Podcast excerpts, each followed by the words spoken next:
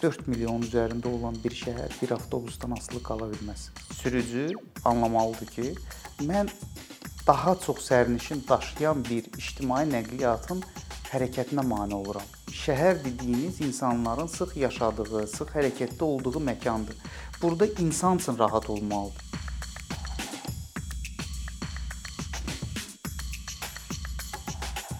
Rauf bəy salam, xoş gördük sizə ikincidə. Ümumiyyətlə son illərdə Azərbaycanda bu ictimai müzakirələrin yeni bir diskursu ortaya çıxıb. Bu nə ilə bağlıdır? Biz baxırıq ki, yeni nəsil ekspertlər yetişib, hansı ki, daha çox şəhər infrastrukturu, nəqliyyat məsələləri ilə bağlı müzakirələr qoşurlar və onlar çoxlu yeni ideyalar gətirib bu ictimai müzakirələrə. Və biz bu yeni ideyalar həm də yeni terminlər qazandırıb bu müzakirələrdə. Məsələn, biz nələr eşidirik? Mobillik, dayanıqlı şəhər mobilliyi, insan yönümlü şəhərlər. Və eləmək istəyərdim ki, söhbətimizə bundan başlayaq ki, bu anlayışların mahiyyəti nədir? Yəni dayanıqlı şəhər mobilliyi deyəndə biz nə başa düşməliyik?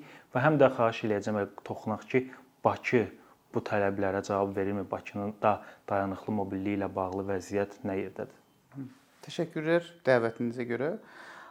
Ümumi bu trendlər bizim bölgədə artıq müşahidə olunur. Əgər əvvəl nümunələr çəkirdiksə qərbdə, amma hal-hazırda demək olar ki, elə qonşu Gürcüstanda da, Kiyev, Ukraynada, Rusiya, Moskva şəhərində də artıq bu trendlərlə infrastruktur artıq qurulur və mobillik deyəndə, yəni biz nəyi nəzərdə tuturuq?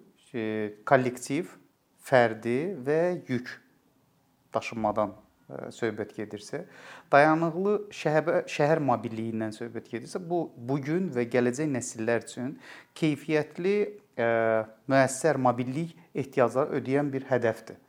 Və bu hədəfə çatmaq üçün kompleks tədbirlər planı icra olunmalıdır və bizim e, hal-hazırda düz təsdiq olunmayıb Bakı şəhərinin baş planı 2020-ci ildə təqdim olunub, 2040-cı ilə kimi hədəflənib və həmin baş planda dayanıqlı şəhər mobilliyi prinsipləri əsas götürülüb. Ümumi bir izahat verək, yəni iki növ şəhər fikirləşək. Avtomobil yönümlü, yəni nümunələri Amerika şəhərləridir. Ümumiyyətlə Amerikada ictimai nəqliyyat son illər daha çox artıq diqqət ayırmağa başlayıb. Əsasən fərdi nəqliyyat vasitələri ilə mobilliyin təmin edirdilər və bu bir zənginlik əlaməti idi ki, yəni sənin bir avtomobilin ola bilər, paylaşılan avtomobil ola bilər, icarəyə götürülmüş ola bilər və buna uyğun da küçə, yol şəbəkəsi qurulub. Amma bunun ə, bir digər tərəfi də var ki, bunlar artıq uzun illərdir bu prosesi bu cür davam eləyir. Avropa şəhərləri 60-70-ci ildə belə bir hədəf qoymuşdular sadəcə 60-70-ci ildə artıq bu hədəfin uğursuzluğu ilə qarşılaşdılar və hədəfin e, çevirib insan yönümlü, piyada yönümlü şəhərlərə, yəni hansı ki onlar elə təməlindən elə qurulmuşdu. Yeri gəlmişkən Bakı da e, həmin dövrlərdə bizim Bakının e, ilk planın işləyən general fon Dernavne və o zamanki memarlar da bu prinsipi əsas götürərək şəhər ona uyğun Səhəri şəhərin çölündə qurulan Bayır şəhər və kvartal tipli tikintidən söhbət gedir, ictimai nəqliyyatın üstünlüyündən söhbət gedir və e, bu yöndə iş görmüşdülər. Şəhər də e, bu minvalla inkişaf edirdi. Ondan sonrakı dövrlərdə, Sovet dövründə də adi bir e, məlumat üçün belə bir statistikanı nəzərdən keçirə bilərəm. 1967-ci ildə biz bilirik ki, Bakı şəhərində 7 noyabrda metro açıldı. 9.2 kilometrlik metro xətti ilk xətt oldu. O zamanlar Bakı Soveti Nərimanov indiki İçəri şəhər Nərimanov xətti. Amma diqqət çəkiləsi məqam nədir? 9.2 kilometri açılan metro şəbəkəsinin yerin üstündə bizdə nə var idi? Bizdə o zaman 110.2 kilometr yüngül relsli dəmir yol sistemi, tramvay şəbəkəsi var idi. Trolleybus şəbəkəsi var idi ki, onun da demək olar ki, gələcəkdə artıq 300 kilometrə əhatə edən bir şəbəkəyə sahib idi və e, şəhər ətrafı elektrik qatarı 148 kilometrlik bir şəbəkəyə sahib idi Bakı. Hal-hazırki şəbəkəyə baxsaq, metro şəbəkəmiz bizim 38.8-dir, amma 2004-cü ildən bu yana nə baş verdi? Bu çeşidlər hamısı ləğv edildi. Bakının əhalisi hardasa 4 dəfə artıb. Yəni aqlomerasiya ilə bir yerdə desək 4 milyonun üstündədir. Amma onu bu ə, əhalinin mobilliyin təmin edən yalnız əsas yükü götürən avtobusdur. Və bunun anormallığı elə burdadır ki, çeşid yoxdur. Biz çeşidli deyək ki, daha çox sərnişin daşıyan yüngül relsli dəmir yol sistemini 2004-cü ildə ləğv etdik və dedik ki, qərar əslində tam tərsi olmalı idi. Modernləşdirmək lazım idi və keyfiyyətini artırmaq lazım idi. Ekoloji cəhətdən təmiz ikinci növ trolleybus şəbəkəmizi bunu da ləğv etdik. Amma bizdə yanlış qərar hesabına bunlar hamısı ləğv olundu və bütün yük düşüb avtobus nəqliyyatının üzərinə. Və bizdə biraz da bu yanlış düşüncə də var ki, şəhərimiz sıxdır, burada mümkün deyil, tramvay ilə sıx olan yerdə olmalıdır. Yəni müasir şəhərlər, urbanizasiya getmiş şəhərlərdə sıxlıq bu adi bir haldır. Megapolislərdə sıxlıq olur. Əgər böyük şəhərlərdən söhbət gedirsə, kapital, pul burada formalaşırsa, avtomatik olaraq bura axın olacaq. Yəni harda iş varsa o istiqamətə gəlirlər və xidmətə ehtiyac var. Bu xidmətdə işləyən insanların mobilliyini təmin etmək lazımdır. Necə təmin edəcəksiniz? Mövcud yol sahəniz var. Bu yol sahəni ictimai nəqliyyatı üstün olaraq, yəni prioritet olaraq qurulur, transformasiya olunur və bir e, məsələni də diqqət çəkmək istəyirdim. Şəhər dediyiniz insanların sıx yaşadığı, sıx hərəkətdə olduğu məkandır. Burada insan üçün rahat olmalıdır. İnsanın piyada gəzməsi, insanın velosipedlə hərəkət etməsi bu məqamı xüsusən qeyd etmək lazımdır ki, çünki bizdə velosipedə bir əyləncə kimi baxırlar. Bu yanlışdır. Dünyada artıq velosiped bir mobillik vasitəsidir. Əsas odur ki, siz bir nöqtədən digər ə, nöqtəyə mobilliyinizi təmin eləsin və bu çeşidlər olsun. Yəni vir velosiped zolağı əslində özündə nəyi birləşdirə bilər? Skuteri də, mopedi də, yəni eyni o zolağa əlavə etmək olar və ona uyğun da həm infrastruktur qurmaqla yanaşı bizdə qanunları da ona uyğunlaşdırmaq lazımdır. Standartları da yeniləmək lazımdır. Yəni mütərəqqi dünya standartlarına. Siz çox maraqlı bir məqama toxundunuz ki, Bakıda doğrudan da bu mobilliyi daha çox yük düşür avtobus sisteminin üzərinə. Bununla bağlı bir müddət, bir müddət öncə bir yenilik tətbiq edilmişdi. Şəhərin bəzi küçələrində avtobus zolaqları ayrılmışdı. Amma bilmirəm, bu mənim şəxsi müşahidəmdir ki, məncə bu e, addım bir keyfiyyət dəyişikliyinə gətirmədi. Çünki hələ də digər minik avtomobillərin həmin zolaqdan istifadəsinə tez-tez rastlamaq olar. Necə düşünürsünüz? Yəni bu avtobus zolaqlarının tətbiqi Bakıda sizcə də işə yaramadımı, yoxsa məsələ nə yerdədir və yaxud necə edə bilərik ki, avtobuslar daha tıxacda qalmadan daha sürətli şəkildə hərəkət edə bilsinlər və insanlar üçün də bu maraqlı bir nəqliyyat vasitəsinə çevrilsin. Birinci ondan e, başlayaq ki, Bakıda avtobus zolaqlarının tətbiqi 5 il bundan öncə başlayıb, 2017-ci ildə. Sual oluna bilər, indi ikinci dalğa gəldi. Bundan öncəki niyə işləmədi? Sual bundadır. Zolağı ayırmaq, xətti çəkmək, üstünə bus yazmaqla məsələ bitmir. Ona nəzarət olunmalıdır və onun üstünlüyünü təmin etmək lazımdır. Cərimə sanksiyaları işlək olmalıdır. Əgər cərimə işləmirsə, demək cəriməni bəlkə artırmaq lazımdır. Söhbət tək cərimədən deyil. Yəni bu cərimənin mahiyyətindəndir. Sürücü anlamalıdır ki, mən daha çox sərnişin daşıyan bir ictimai nəqliyyatın hərəkətinə mane oluram. Yəni mən tıxacda dayanansam və avtobusda tıxacda dayanırsa, mən öz şəxsi nəqliyyat vasitəmdə daha komfortlu, amma orada daha çox sıxlıqda dayan ə, avtobusun daxilində olanlarla yanaşı, həm də dayanacaqda nə qədər insanlar gözləyir. Yəni onların başqa bir şansı yoxdur.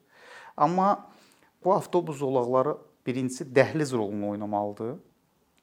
Yəni son elan olunmuş ə, e, avtobus zolaqları ə, e, demək başlayır Gəncə prospektindən, sonra gəlir ə, e, Məhəmməd Hadi küçəsi, Qaraqarayev prospekti və Ziya Bunyadov prospekti ilə 20 yanvar dairəsinə, 20 yanvar dairəsindən də Moskva prospekti ilə avtovağzal beynəlxalq avtovağzala kimi. Bunların işləməsi üçün sərt nəzarət olmalıdır. Sərt nəzarət dediyiniz də fiziki olaraq heç dövlət yol polisinin olmasına ehtiyac yoxdur. Yəni bu hal-hazırda müasir dünyada yaşayırıq. Yeni yanaşmalar var ki, kameralarla bu nəzarət olunur və bu nəzarət olunduğu təqdirdə avtomatik cərimə sanksiyası tətbiq olunur. Yəni protokolu yazılır və SMS vasitəsilə göndərilir. Bir çox nümunələr dünyadan çəkə bilərəm, amma hal-hazırda qonşumuz Tiflis şəhəri. Tiflis şəhərində bizdən sonra başlayıblar. Onlarda bu artıq çox sərt şəkildə icra olunur. Və orada hər aylıq statistika verilir ki, nə qədər avtobus zolağında cərimə olunub, nə qədər velosiped zolağında. Onlara çox gözəl nümunələr var ki, artıq küçə yol şəbəkəsinin transformasiya olunması, prioritetlər üzrə bax dediyimiz o dayanıqlı şəhər mobillik prinsipləri Tiflisdə artıq icra olunur. Çox ə, narazılıqlar olsa da, amma buna rəğmən radikal qərarlar verilir. Yəni prioritet qoyulur ki, piyada səki, velosiped zolağı, avtobus zolağı, ən sonda şəxsi nəqliyyat vasitələri və şəxsi nəqliyyat vasitələri tıxacda dayanır. Amma fərq ondadır ki, və bunun üzərində də hələ saatlıq parkinq, ə, yəni zonalar üzrə onun qiymətinin tətbiqi də yerindədir. Ə, bunlar heç biri Bakıda yoxdur hal-hazırda. Yəni element kimi görə bilərsiniz. Amma bu vəhdət olmalıdır, bir kompleks olmalıdır. Bizdə bir başqa bir məsələ də var ki, ə, nəqliyyat qurumlarına institusional bir problem də var. Bir hissəsi bir ilkin qərar verildi. Cənab prezident e, demək Bakı Nəqliyyat Agentliyinin e, Bakı şəhərinin icra hakimiyyətinə bu birinci mərhələdir, amma bunun ardı da gəlməlidir. Yəni biz Bakı və Böyük Bakını da eyni görməliyik. Nəyə görə? Çünki sərnişin axını, yük axını bu aqlomerasiyada vahiddir. Sumqayıtdan gələn sərnişin, tələbə, Yəni bunlar biz eyni marşrutdan, eyni metrodan istifadə edirik. Siz necə bunu ayıra bilərsiniz? Və bu vahid olduğu halda qərarların effektivliyi də artıq daha real görünəcək. Ona görə bu kompleks tədbirlər planıdır, amma və lakin biz başlamalıyıq. Biz zamanımızı itiririk və həyat keyfiyyəti itir həyat keyfiyyətinin itirməsi siz görə bilərsiniz. Gündəlik insan hamımıza toxunur. Sahəsindən, məsləyindən asılı olmayaraq hamısı bu tıxacın içində, bu stresin içindədirsə, bu müəllimi də, həkimi də, mühəndisi də ə, istənilən ə, sahə adamı bu stresin, bu aqressiv mühitin qurbanına çevrilir. Və biz bunu işdən sonra da, yəni avtomobilin ə, bu nizamsızlığın fəsadların görürük. Məhəlləmizə gəlirik. Hər yer avtomobillərlə zəbt olunub. Yəni uşaqların oynamağa yeri yoxdur. Sosial mühit demək olar ki, bizi tədrid təcrid eləyir ki, biz evdən çölə çıxmayaq. Və yaxud piyada yürüş etmək istəyirsinizsə, sizin piyada səkiləriniz ya yoxdur, ya zəbt olunub, ya baryerlidir. Tutalım ki, bir az mobilli insanlar haqqında daha çox diqqət ayrılası məqamlardandır ki, sosial mühitdən bunlar təcrid olunmamalıdır. Olunmaması üçün də bütün baryerlər ram edilməlidir. Yəni sizin qarşınızda əngəl olmamalıdır. Əgər bu hansısa səbəbdən insan e, qəzadan da e, fiziki məhdud ola bilər və son müharibədən də yetərincə qazilərimiz var ki, onlar ə, e, hərəkətinə əngəl olmamalıdır və yaxud uşaqlı anadısa və yaxud valideynlərdirsə, bunlar uşaq arabası ilə getdiyi yol rəvan olmalıdır. Bütün infrastruktur ona uyğun olmalıdır. Amma qayıtsaq bizim bu ümumi vəziyyətə, bu vəziyyəti nizamlamaq üçün bax bizim şəhər mühitində ən bahalı resurs torpaqdır. Torpağı biz səmərəli istifadə etmirik torpaq niyə bu qədər səmərəli istifadə olunmur? Bunun da sualı açıq olaraq qalır. Şəhərin hər yerində şəxsi nəqliyyat vasitələri üçün bir 8-9 kvadratlıq yer vermək kimi bir öhdəlik yoxdur şəhərin. Hər bir yerin öz qiyməti olmalıdır. Şəhər mərkəzidirsə, onun qiyməti daha yüksək olmalıdır, şəhərin kənarı daha ucuz və şəhərin giriş nöqtələrində park and drive, park et və səfərli ictimai nəqliyyatla davam et prinsipi ilə e, demək, parkinqlər də qurulmalıdır. Bu Avropa ölkələrindən çox misal gətirə bilərik, amma qayda bizim öz regionumuza, elə e, Rusiya Federasiyasında da var, Sankt-Peterburq şəhərində deyək ki, Moskva şəhərində də var, Tiflisdə də bu qurulur, Kiyevdə də var. Yəni bunlar artıq bizim regiona gəlib bu trendlər. Biz geridə qalırıq. Biz bunu yaxşı başlayırıq, yaxşı elan edirik, amma təəssüflər olsun ki, yarımçı qalır. Yəni bu proseslər hamısı yekunda bizim ə, ictimai nəqliyyatdan uzaqlaşmağımıza, sosial cəmiyyətdən təcrid olmağımıza və həyat keyfiyyətimizin azalmasına gətirib çıxardır. Bu avtobuslarla bağlı ilə danışmışkən bir məsələni dəqiqləşdirmək istəyərdim sizinlə. Son dövrlər bu Bakıda nəqliyyat sərnişin daşıma ilə məşğul olan özəl avtobus şirkətləri bir neçə dəfə birlikdə müraciət ünvanlayıblar hökumətə və onlar həmin müraciətdə bildirirdilər ki, hazırda Bakıda olan daşıma tarifləri, qiymətlər onların rentabelli olaraq fəaliyyət göstərməsinə əngəl yaradır və zərərlə işləyirlər və bəzi iddialar da var ki, buna görə onlar nəqliyyat vasitələrinin sayını azaldırlar, interval böyüyür, insanlar daha çox gözləmə olur dayanacaqlarda və sıxlıqlar yaşanır. Elə gəlin buna da toxunaq ki, Azərbaycanda ictimai nəqliyyatın e, maliyyələşməsi ilə bağlı vəziyyət necədir? Çünki aşkar görünən odur ki, bir tərəfdə sahibkarlar vəziyyətdən narazıdır ki, mənim açığı yadıma gəlmir ki, bu qədər ardıcıl hansısa sektor hökumətə dayanmadan müraciət eləsin. siqnaldır. Bəli. Amma digər tərəfdən həm də çox ciddi bir inflyasiya var. Hazırda Azərbaycanda qida inflyasiyası 22%-dir. Yəni çox ciddi bir rəqəmdir və insanlar da düşünür ki, əgər bu daşıma tarifləri artsa, onsuz da bizim pisləşən sosial vəziyyətimiz daha da pisləşə bilər. Belə bir vəziyyətdə bu orta yolu necə tapmaq lazımdır ki, həm sahibkarlar normal şəkildə fəaliyyət göstərsinlər, həm də bu sərnişinlərə çox ziyan vurmasın. Bunun yəni bütün dünya dövlətlərində ə, e, subsidiya olunur. Bizdə də yer gəlmişkən metro subsidiya olunur. Biz ödədiyimiz 30 qəpiyin üstündə dövlət subsidiya edir metronu. Dəmir yolunda məsələn üçün e, yük daşımadan qazanılan gəlirdə o da sərnişin daşımanı e, subsidiya edir. Amma avtobus e, nəqliyyatında bu yoxdur. Və bu biz 30 qəpiyimizi elə ödəyə bilərik, amma bunun üstü subsidiya olunmalıdır. Çünki onların bu ə, son qiymət ə, tarifin müəyyən olunması 31 iyul 2018-ci ildə olmuşdu və 4 il yetərincə bir dövrdür ki, burada ə, silsilə deyək ki, proseslər baş verib, hansı ki, bu iqtisadi aktivliyə və qismən onların vəziyyətinin pisləşməsinə səbəb olmuşdu. Digər məsələ odur ki, bunun biz ə, e, həddən artıq yüklənmiş bir avtobus nəqliyyatından danışırıq. Bunlar özləri hələ effektiv işləyə bilmir. Yəni siz onun maliyyə durumunu düzəltməsi üçün subsidiya edə bilərsiniz, amma onun prioritetliyin təmin etməlisiniz. E, əgər biz danışdığımız fəsaddır, amma səbəblərini düzəltmək lazımdır.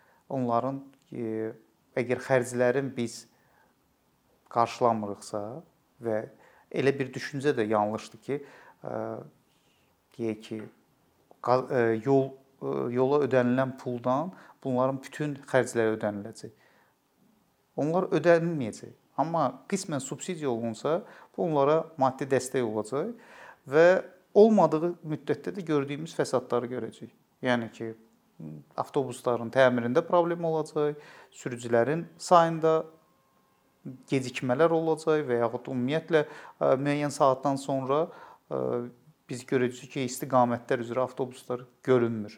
Yəni bu narazılıqların sayı artacaq. Ona görə təxirə salınmadan birinci bunların maddi durumu ə, düzəldilməlidir, yəni kömək olunmalıdır və ə, bu ə, deyək ki, çeşidlər təklifi məsələsində ciddi yanaşma olmalıdır ki, yükü azaldılmalıdır. Yəni 4 milyon üzərində olan bir şəhər bir avtobusdan asılı qala bilməz. Çünki metro şəbəkəsi qismən e, o yükü götürür, paylaşır. Amma e, şəbəkənin özü də e, məhduddur, tikinti sürəti zəifdir, məlum səbəblərdən çünki baha başa gəlir, pul, maddi demək ayrımalar lazım olan qədər ayrılmır. Amma digər alternativlər də inkişaf elətdirilmir. Bəs dəmir yolu nəqliyyatında bu niyə ləng gedir sizcə? Çünki Bakı-Sumqayıt, Bakı-Xırdalan arasında qatarlar hərəkət eləyir və tez-tez narazılıqlar olur ki, qatarların intervalı çox böyükdür və Azərbaycan Dövlət Dəmir Yolları da bunu həmin o qatarların sayının az olmasına izah edir. Yəni metroda hardasa başa düşmək olar, bəlkə proses uzundur və s. amma qatar almaq bu qədər çətin prosesdirmi sizcə? Və yaxud burada bəlkə rentabellik məsələləri var. Məsələn, Bakı, Sumqayıt, Xırdalan və digər şəhər ətrafı ərazilərdə də məncə qatarların sayı bir o qədər çox deyil. Yox, ümumiyyətlə çox deyil. Cəmi 9 2 e, mərtəbəli Stadler qatarımız var. Onun biri Gəncəyə işləyir, 7-si e, Bakı dairəvidədir. Bir qatar da ehtiyatda saxlanılırdı. Hətta yəni, Gəncəyə işləyən qatar belə artıq onu da bir reys Bakısına qayıtdı etdikdən sonra. Ümumiyyətlə bizim təmirdən çıxmış qatarlar da vardı, Air qatarları. Latviyada istehsal olunmuş köhnə nümunəlidir, amma mən elə fikirləşirəm ki, yəni əlinizdə olan bütün vasitələrdən istifadə etməlisiniz və burada böyük bir dəmir yol şəbəkəsindən söhbət gedir. O dəmir yol şəbəkəsini istifadə etməliyik. Yəni bir var sıfırdan qurasan, bir də var ki, sizin artıq bu şəbəkə var yerin üstündə. Siz qatar sayını artırmaqla artıq ə, bunun yerüstü metroya çevrilməsinə təkan vermiş ola bilərsiniz. Yəni sabit intervalla əgər belə deyək, Sumqayıtla Xırdalan Bakı arası 30 dəqiqədən bir deyək sabit, amma pik saatlarda biraz da daha tez-tez intervalı azaltmaq olsa, bu inandırım sizə ki, Sumqayıtda yaşamın artımı, yəni köçü artıracaq Sumqayıt istiqamətinə. Çünki Bakıdan Sumqayıt. Bəli. Və biznes aktivliyinə də gətirib çıxaracaq. Digər məsələ odur ki, məsələn bu günlərdə ümumiyyətlə tez-tez səslənir ki, Sumqayıta və Bakıya, e, Xırdalana metro çəkək. Bax bu elə yerüstü metrodur. Çünki metronun tikintisi özü çox mürəkkəb və baha başa gələn bir prosesdir və zaman alır. Bakı reallığında Bakının e, fiziki, geoloji quruluşu mürəkkəbdir. Amma bu mövcud infrastrukturu effektiv istifadə eləsək, biz elə yerüstü metro e, əldə etmiş olur. Artıq var bu. Məsələn, bu yaxınlarda e, Xocahəsən stansiyasının açılması planlaşdırılır və Xocahəsən çox e, strateji bir yerdə yerləşir əslində. Xocahəsən həmçinin dəmir yolu, şimal-cənub dəmir yolunun kəsişməsidir və eyni xəttlə biz məsələn belə bir intermodal bir daşınmanı təşkil edə bilərik gələcəkdə. Yaxınlıqda həm də nəzərə alaq ki, 10-15 minlik böyük ticarət mərkəzi Sədərək və Binə yerləşir. Sumqayıt, Xırdalan, Xocahəsən, deyək, Lökbatan hansına ki, qarşısında yerləşir və bunu davam edə bilərik. Sahil qəsəbəsi Ələt. Bu həmin bax yerüstü metro funksiyasını daşıya bilər və yeraltı metro ilə də inteqrasiya olunur Xocahəsəndə.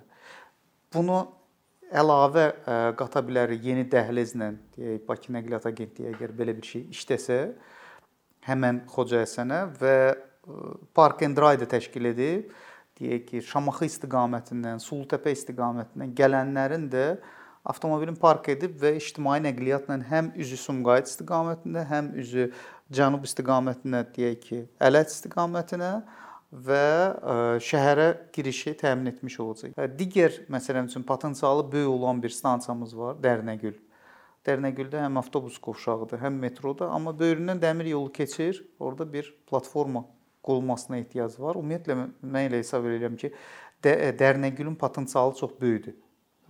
Çünki Dərnəgül şəhərin şimal tərəfdən giriş nöqtəsidir və fərqli nəqliyyat növləri ilə orada bəzi dəyişikliklər etməklə, məsələn, dəmir yolunun üzərindən bir yol ötürücü tikilsə Baksol yolu istiqamətində bu həm əlaqələndirmə baxımından, həmçinin də fərqli istiqamətlərdən gəlib də Dərnəgül üzərindən öz səfərini təşkil etmək baxımından çox əhəmiyyətli bir qovşaq rolunu oynaya bilər. Yəni bu mənada biz burada həm də baş planda nəzərdə tutulmuşdu ki, daha doğrusu nəzərdə tutulub alt mərkəzlərin yaradılması, yəni tam şəhərin mərkəzinə yüklənmə yox, fərqli-fərqli mərkəzlərin yaranması və bu özü də özlüyündə cazibə mərkəzi rolunu oynayacaq. Yəni dediyimiz kimi bu kompleks tədbirlər planıdır. Yəni bunlar hamısı kompleks icra olmalıdır. Mərhələli şəkildə amma icra olunmalıdır. Biz əgər gözləyirik ki, nə isə dəyişəcək, dəyişən bir şey o olacaq ki, sadəcə kilidlənməyə gedirik biz. Yəni biz bu gün radikal qərarlar etməsək, torpağın ə, real qiymətinə uyğun ə, onu səmərəli istifadə etməsək, fasiləsiz mobilliyi təmin etməsək, bu ə, bir növdən digərinə demək yükü parçalamasaq, bizim şəhərin yaxın gələcəkdə, yəni vəziyyəti o qədər də yaxşı görünmür. Çox təşəkkür edirik Rauf bəy, çox maraqlı oldu. Sağ olun.